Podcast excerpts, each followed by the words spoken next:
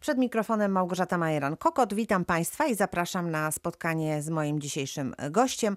To doktor nauk medycznych Krzysztof Szmyt, który jest prezesem zarządu i kierownikiem Hospicjum dla Dzieci Dolnego Śląska. Dzień dobry, witam Pana serdecznie.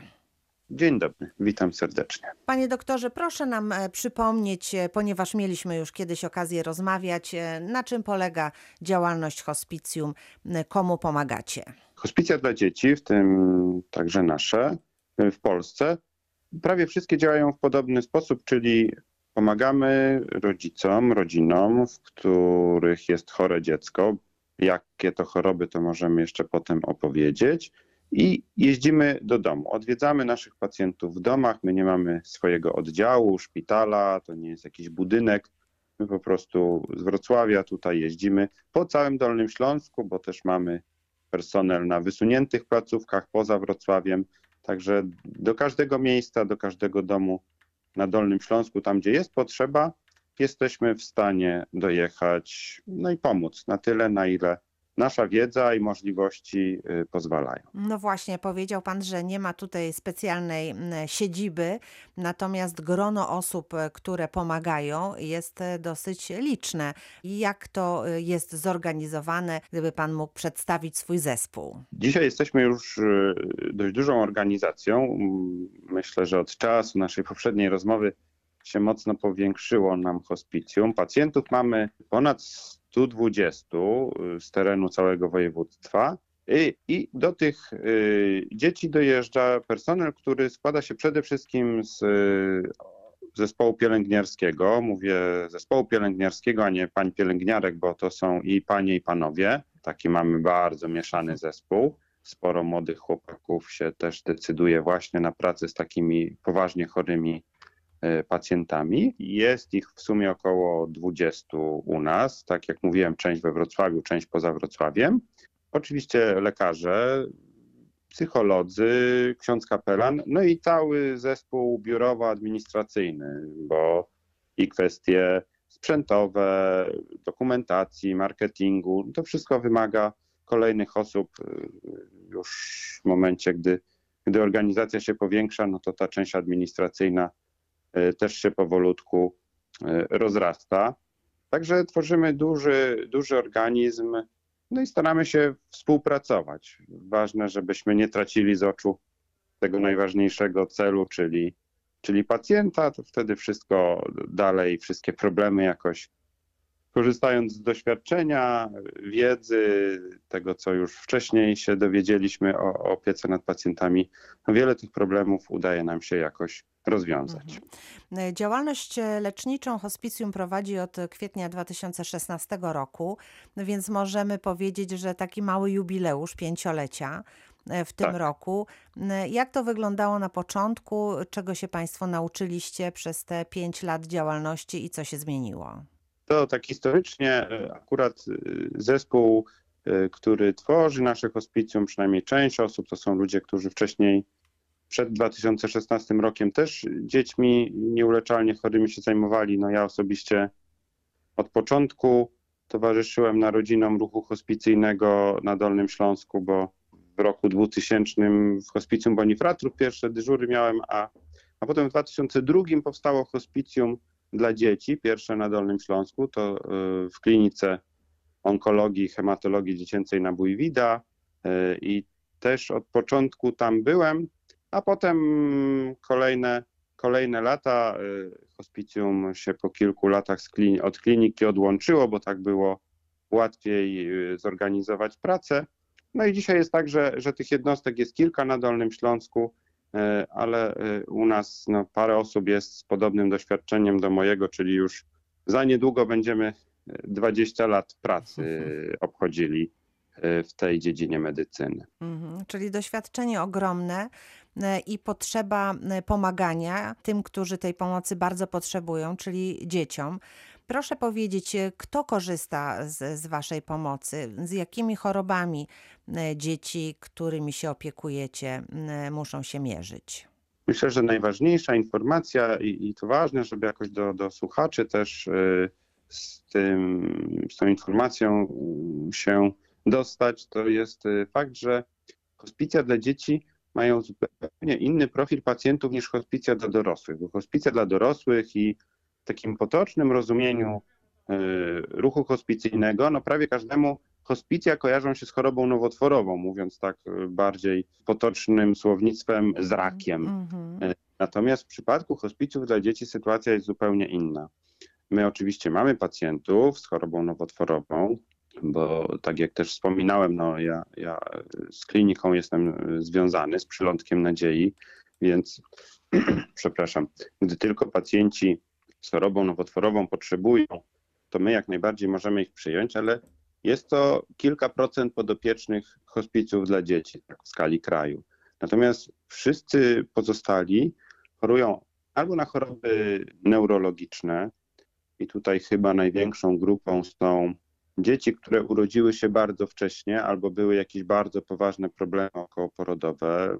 Pewnie każdy z nas słyszał o takich historiach. Gdzieś się urodziło dzieciątko bardzo malutkie, kilkaset gramów.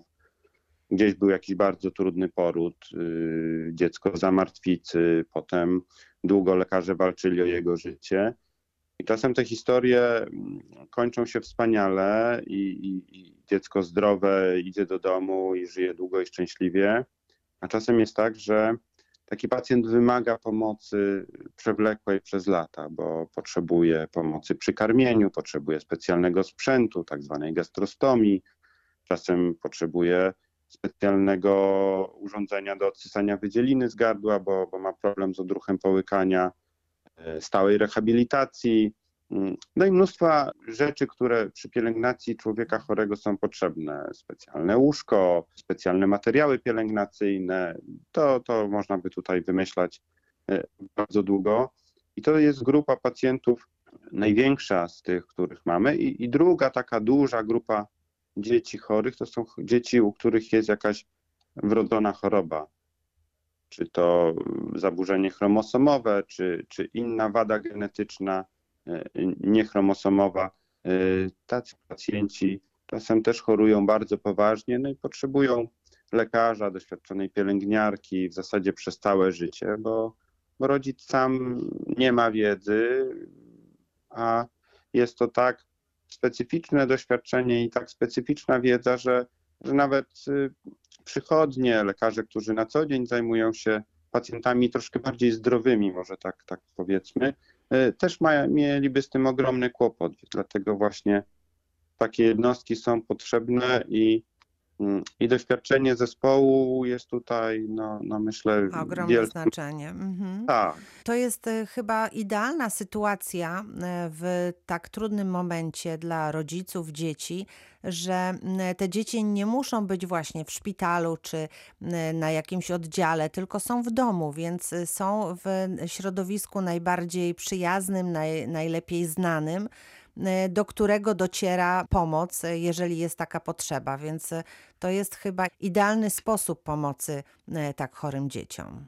My też lepszego nie, nie znamy. Mm. Wydaje nam się, tak jak pani powiedziała, że to chyba jest najbardziej optymalna sytuacja w tej trudnej sytuacji, w jakiej rodzice dziecka i, i samo dziecko się znaleźli, bo no, choroba nie wybiera, ona może się przytrafić każdemu i, i czasem pomoc jest potrzebna, a to warte podkreślenia, gdy choroba jest nieuleczalna, gdy nie ma jakiegoś prostego sposobu rozwiązania tego problemu zdrowotnego, to pobyt długotrwały pacjenta w szpitalu, nawet jeśli szpital nie wiadomo jak się będzie Tak, starał robi wszystko tak, żeby ten pobyt jakoś ułatwić. Ułatwić, umilić, żeby dzieci miały, nie wiem, kolorowe sale, żeby, żeby cały personel był uśmiechnięty, miał, nie wiem, naklejki na każdą okazję i, i, i Mikołaja, i, i prezenty, i wszystko, to co by szpital nie robił, to szpital nigdy domem nie będzie. Mhm. I dziecko nigdy nie będzie się tam czuło komfortowo i dla rodziny to też nie jest żaden komfort, że jedno z rodziców jest w domu, a drugie gdzieś w szpitalu, albo, albo w domu jest jeden rodzic, bo tak też się nie- nierzadko zdarza, i ma jedno dziecko w szpitalu, a drugie dziecko w domu, którym się zajmuje ciocia, babcia i ktoś tam jeszcze. To, to są wszystko bardzo trudne sytuacje, takie z pozoru proste i, i nie mówimy o jakichś bardzo wyszukanych rozwiązaniach. Natomiast bez takich najprostszych rzeczy, jak chociażby to, że gdy dziecko gorączkuje, może przyjechać lekarz do domu, albo gdy coś się z dzieckiem stało, nie wiem, dostało napadu padaczkowego, a jest trzecia w nocy i ja mogę do kogoś zadzwonić, zapytać, upewnić się, że, że podałam dobre lekarstwo, no to bez takiej pomocy naprawdę prostej w sumie, e, no, życie tych osób, tych rodzin byłoby no, niewyobrażalnym dramatem. To, to Mhm. byłoby po prostu bardzo, bardzo ciężko. Problemy nakładałby się po prostu ol, olbrzymi stres. My ten stres próbujemy zmniejszyć, no i jakoś towarzyszyć naszym rodzinom, bo to też o to chodzi, żeby mama, tato, żeby wiedzieli, że mogą na kogoś liczyć, żeby mogli z kimś porozmawiać, bo, bo te rodziny są często bardzo, bardzo samotne. Muszą mieć takie poczucie, że mm, jest ktoś, do kogo mogą się zwrócić w trudnej sytuacji, a to też jest niezwykle istotne dla takiego poczucia bezpieczeństwa e, w tej Tak. trudnej sytuacji, prawda? bezpieczeństwa i jakieś takie poczucie własnej wartości. To, to przekonanie, że komuś nam nie zależy, że ktoś się dopytuje, stara się, no, no daje z siebie coś, tyle ile potrafi. Oczywiście jeden więcej, drugi mniej, no każdy z nas jest człowiekiem, ale to myślę też jest bardzo ważne, żeby rodzice dzieci niepełnosprawnych nie czuli się tacy zupełnie wyrzuceni poza, poza margines tego głównego nurtu życia. Oni też chcą żyć, chcą, chcą się czuć y, ważni, chcą się czuć jakoś spełnieni, niczym się w swoich pragnieniach nie, nie różnią od każdego z nas.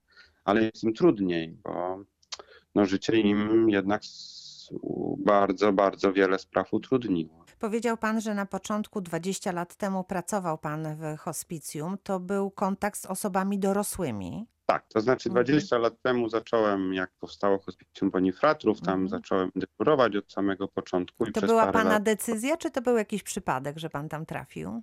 Nie, nie, bo ja y, w tamtym czasie y, pracowałem już w klinice onkologii dziecięcej tutaj na Mhm. Bójwida i, i chciałem, y, zawsze mnie jakoś y, opieka paliatywna interesowała, więc jak tylko tworzyło się Hospicjum Bonifratrów, to Mhm. to od samego początku swój taki malutki wkład, bo ja nie byłem tym podstawowym lekarzem, tylko jednym z y, osób pomagających, więc, więc się w to zaangażowałem. A potem w 2002 roku zaczęło się tworzyć hospicjum dla dzieci. Pierwsze, tak jak wspominałem, powstało Mhm. przy klinice na Mhm. Bójwida. No i od początku jakby byłem, byłem z nim związany, więc to już, to już nikt mi tego nie kazał, nikt mnie Mhm. nie wysyłał. To, to była jakaś pasja i, i wybór świadomy I drogi. własna Za... decyzja. Mhm. I to była też potrzeba, bo y, rozumiem, że y, wtedy rodził się ten e, ruch ch- takiego hospicjum, które właśnie dociera do pacjentów i taka potrzeba została dostrzeżona wtedy. Pan też na pewno to czuł, że, że, że taka forma jest potrzebna. To nie, nie mieliśmy wątpliwości.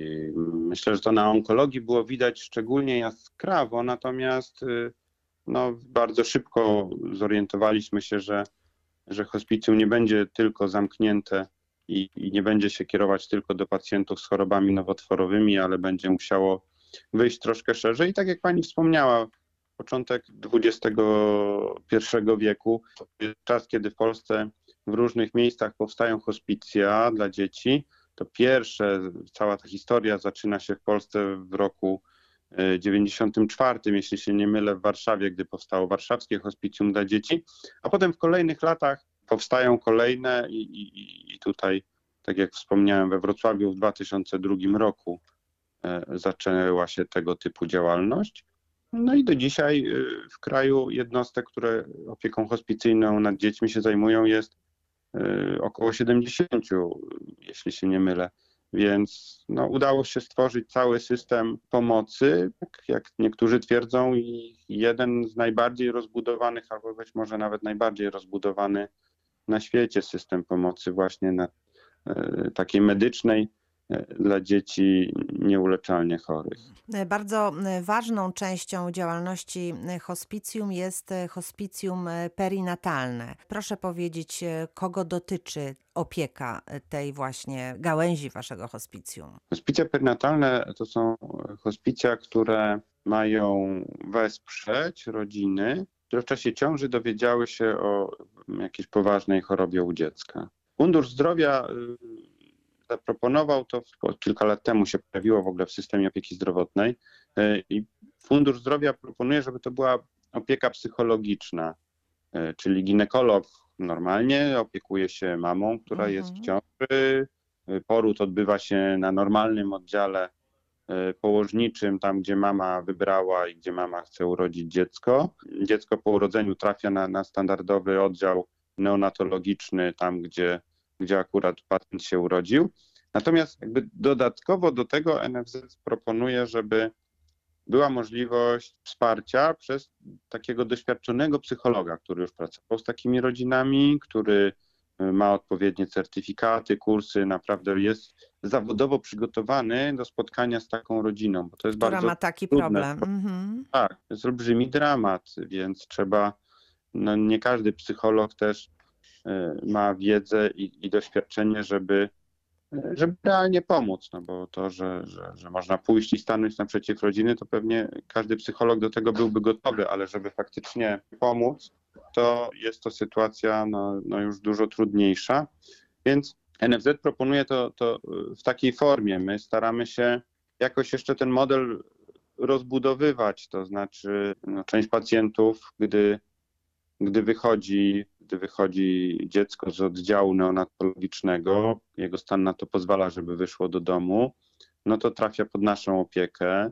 Marzy nam się, żebyśmy bardziej mieli wpływ na to, co się dzieje w okresie ciąży, żeby, żeby jakoś ułatwić y, kobietom dostęp do różnych badań, do, do takiej bardzo szczegółowej diagnostyki, do genetyków. To, to są wszystko takie medycznie bardzo skomplikowane sprawy, i, bo mówimy często o o chorobach, które trudno zdiagnozować, o chorobach, które wymagają no naprawdę najlepszych specjalistów w tych dziedzinach medycyny, jakich, jacy gdzieś tutaj w regionie w ogóle są dostępni. Natomiast jeśli się uda skoordynować pewne rzeczy, jeśli uda nam się też e, pokazać, że, że jesteśmy w stanie realnie pomóc jednej rodzinie, drugiej, trzeciej, to potem kolejni lekarze, kolejne rodziny, które dowiadują się, że, e, no, że jest jakiś problem, jest poważna diagnoza czy podejrzenie jakiejś bardzo poważnej choroby u dziecka, już gdzieś słyszały, już wiedzą, że jest taka jednostka, można zadzwonić, można się poradzić, można skorzystać z doświadczenia, bo być może e, już mieliśmy z podobnymi pacjentami do czynienia, że jesteśmy w stanie pewne rzeczy rodzinie no, wyjaśnić, opowiedzieć, przygotować na pewne sprawy dużo bardziej niż jednostki, które, które takich doświadczeń nie mają albo mają dużo mniej. Więc jakby zbierając te doświadczenia, pracując w tej dziedzinie, my też wydaje się, że jednak podnosimy cały czas swoje kwalifikacje i, i, i, ta oferta robi się coraz, y, myślę, lepsza. To jest bardzo ważne, ponieważ rodzina w takiej sytuacji jest e, przerażona i ten strach powoduje, że no, trudno jest właśnie odnaleźć e, właściwe drogi i nie, bezcenna jest pomoc ludzi, którzy mają doświadczenie, którzy już wiedzą, e, jak nie wyważać otwartych drzwi, tylko poprowadzić tam, gdzie jest e, informacja, opieka, badania, tak jak Pan powiedział. Więc dla wszystkich rodzin, które dowiedziały się, że ich dziecko urodzi się z jakimiś problemami, no to jest e, bezcenna wiedza, że jest grupa ludzi, którzy mogą w tej sytuacji pomóc. Dlatego e, mówimy o tym i Państwu przypominamy e, organizację, która się tym zajmuje, aby właśnie ułatwić to rozwiązanie pewnego trudnego problemu, czy zmierzenie się z sytuacją, która się pojawiła, a samemu nie bardzo wiadomo, co z tym zrobić. Państwo na swojej stronie internetowej zachęcacie do tego, by przekazać 1% swojego podatku właśnie na e, działalność e, hospicjum. Na co wykorzystacie te pieniądze? Jakie są Wasze potrzeby? Gdybyśmy spojrzeli na, e, na takie wymogi NFZ-u, NFZ w takim bardzo niewielkim zakresie przewidział, że, że hospicja powinny mieć rehabilitanta, ale tak jak mówię, w bardzo niewielkim zakresie.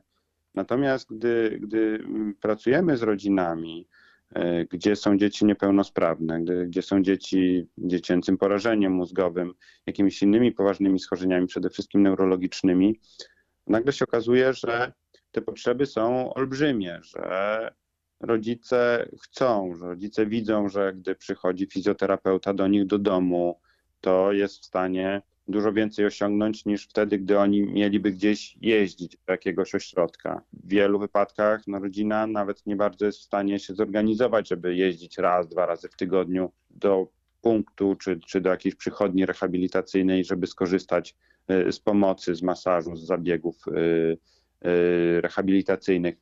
Więc jednym z takich bardzo ważnych dla nas obszarów, na który no, wydajemy dużą część takich ekstra środków pozyskanych między innymi z 1% podatku jest, jest rehabilitacja. My dzisiaj ma, współpracujemy z grupą około 40 fizjoterapeutów. To są osoby rozsiane po całym województwie. Żeby to dobrze działało, żeby udało nam się przekonać e, rehabilitanta, żeby odwiedził pacjenta naszego w domu, to on musi mieszkać stosunkowo blisko pacjenta. To nie, nie zadziała, gdy, gdybyśmy chcieli, żeby rehabilitant jechał 100 kilometrów w jedną stronę, bo zamiast godziny musiałby poświęcić na to 4 czy 5 godzin, więc to, to nic by z tego nie wyszło. Więc my szukamy rehabilitantów, fizjoterapeutów, takich, którzy są doświadczeni w pracy z dziećmi i mieszkają w bardzo różnych częściach województwa. Dzięki temu, niezależnie od tego, gdzie pojawia się pacjent, jesteśmy w stanie zorganizować mu potrzebną rehabilitację. I to jest e, jeden taki ważny obszar. E, drugi to są potrzeby sprzętowe.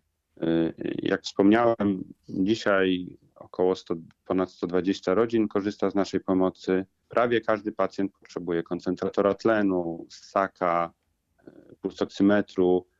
Co najmniej 6 tysięcy potrzeba na, na taki podstawowy zupełnie zestaw potrzebny gdy w domu jest dziecko poważnie chore, gdy ta, ten poziom niepełnosprawności jest duży.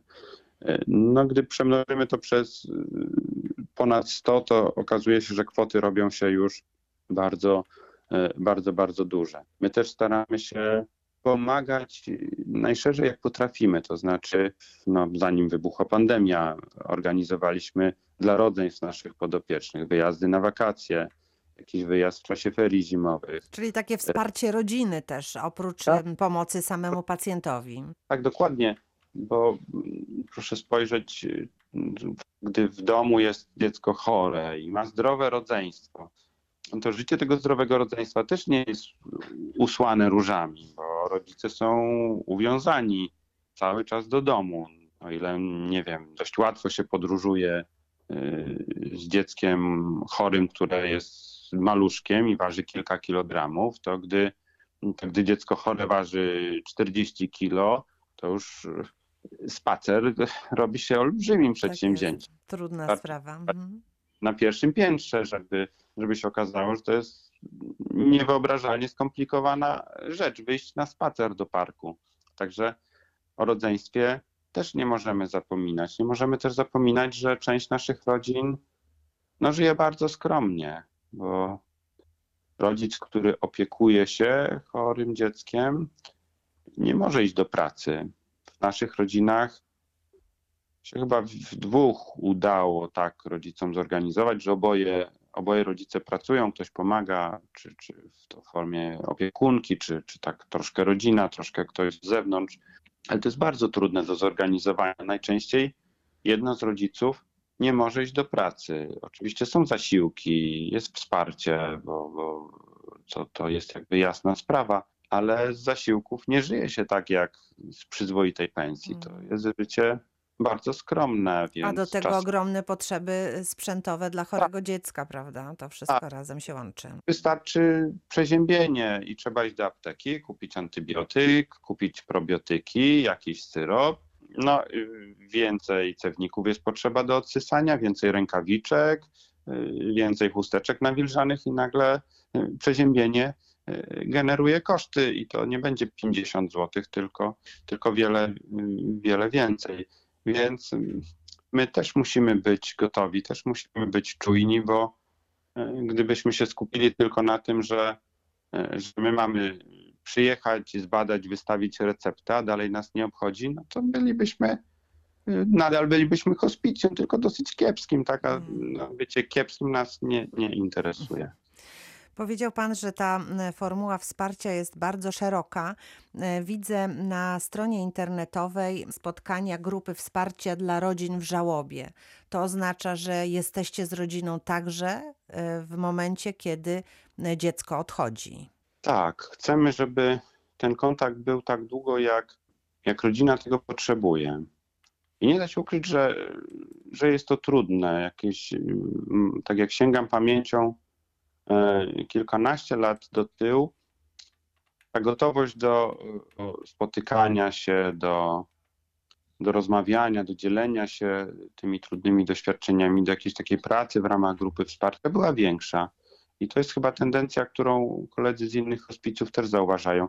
Ja, ja nie wiem, nie chcę, nie chcę w tej chwili jakby stawiać takich diagnoz socjologicznych i mówić, że wiem, dlaczego tak jest, ale mam wrażenie, że gdzieś mimo mm, e, portali społecznościowych, mimo tego, że wydaje się, że jesteśmy tak jakby bliżej innych, to, to To tak naprawdę jesteśmy trochę dalej. trochę dalej, no Mhm, właśnie. mhm. I, I gdy dotyka nas no, taka katastrofa życiowa, jak, jak śmierć kogoś bliskiego, no, śmierć dziecka, e, to jest nam trudno się otworzyć na kontakt. Zamykamy się gdzieś, gdzieś giną nam te rodziny, tracimy z, z częścią kontakt, mimo że, że chcielibyśmy. My, my jesteśmy otwarci i, i od czasu do czasu siadamy tutaj z naszym zespołem, który się wsparciem dla osób osieroconych zajmuje i zastanawiamy się, co jeszcze wymyślić, co zaproponować, żeby, żeby jeszcze kolejne osoby jakoś otworzyć na to, co, co proponujemy. Bo celem wsparcia w żałobie jest doprowadzenie do stanu, że osoba wróci do, do życia. No, to, to życie będzie zawsze troszkę inne, bo to, to doświadczenie trudne zmienia nas, ale ważne, żeby nie, nie utknąć w żałobie jak na mieliźnie, żeby nie zostać w tym, w swoim żalu, w takim zamknięciu jak, jak ślimak w skorupie, bo wtedy całe życie no, może jakby stanąć. No i oddychamy, chodzimy do pracy, ale, ale nic poza tym. Robimy tylko to, to co potrzeba, żeby przeżyć. I, ten, I to nie jest dobrze przeżyta żałoba.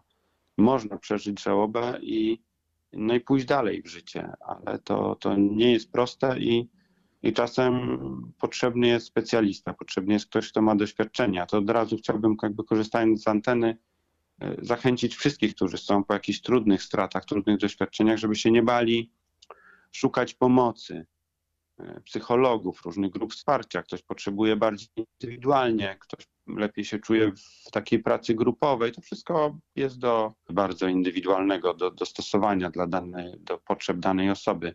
Natomiast ważne, żeby się tego nie bać i, i korzystać, tak? Nie wiem, nie pasuje mi, coś mi się nie podobało tutaj, no to, to proszę iść gdzie indziej, no zebrać znowu siły i, i próbować iść. Życie wymaga, żebyśmy tak nie, nie, utykali w miejscu. Panie doktorze, jak się kontaktować, jeżeli ktoś potrzebuje pomocy, to gdzie was znaleźć? Myślę, że strona internetowa jest jakby optymalna. My w nazwie oprócz Hospicjum dla Dzieci Dolnego Śląska mamy jeszcze taką dodatkową nazwę Formuła, Formuła Dobra. dobra. Mhm. I, I nasza strona internetowa też jest właśnie o, o tą nazwę oparta. To jest adres www.formuladobra.pl. Więc jeśli się w wyszukiwarkę też Formuła Dobra Wrocław wpisze, to można nas znaleźć. Yy, I na stronie internetowej są informacje o informacje. Bo pomagać można w różny sposób.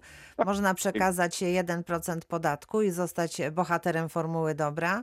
Można przekazywać też em, wpłaty pieniężne. Też jest tutaj taki prosty sposób, e, jak tego dokonać. Można też zostać wolontariuszem, bo taka pomoc też pewnie się przydaje. po prostu zachęcamy do kontaktu, a można starać się komuś pomóc, jeśli wiemy, że, że ktoś sobie nie radzi, a, a czasem ten stres nas tak przygniata, że, że osoba nawet nie zadzwoni, nie, nie próbuje.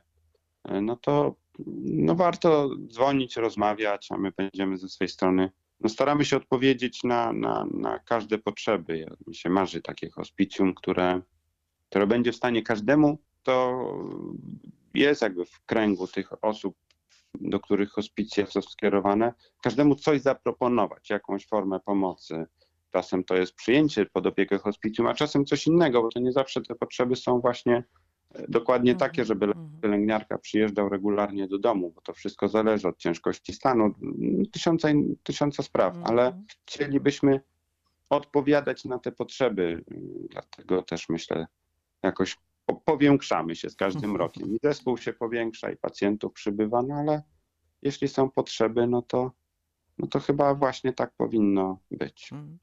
Mm. Bardzo dziękuję za tą dzisiejszą rozmowę. Przypomnę Państwu, że dr Krzysztof Szmyt, prezes zarządu i kierownik Hospicjum dla Dzieci Dolnego Śląska, Formuła Dobra, był e, Tak. dzisiaj naszym gościem. Bardzo serdecznie dziękuję za e, rozmowę na antenie Radia Wrocław, a słuchaczom też e, przypomnę, że nasza rozmowa jest na naszej stronie internetowej Radia Wrocław w zakładce Organizacje Pożytku Publicznego. Wszystkiego dobrego życzę i raz jeszcze dziękuję. Bardzo dziękuję za zaproszenie. Pozdrawiam. Bardzo dziękuję. Małgorzata Majeran-Kokot. Do usłyszenia.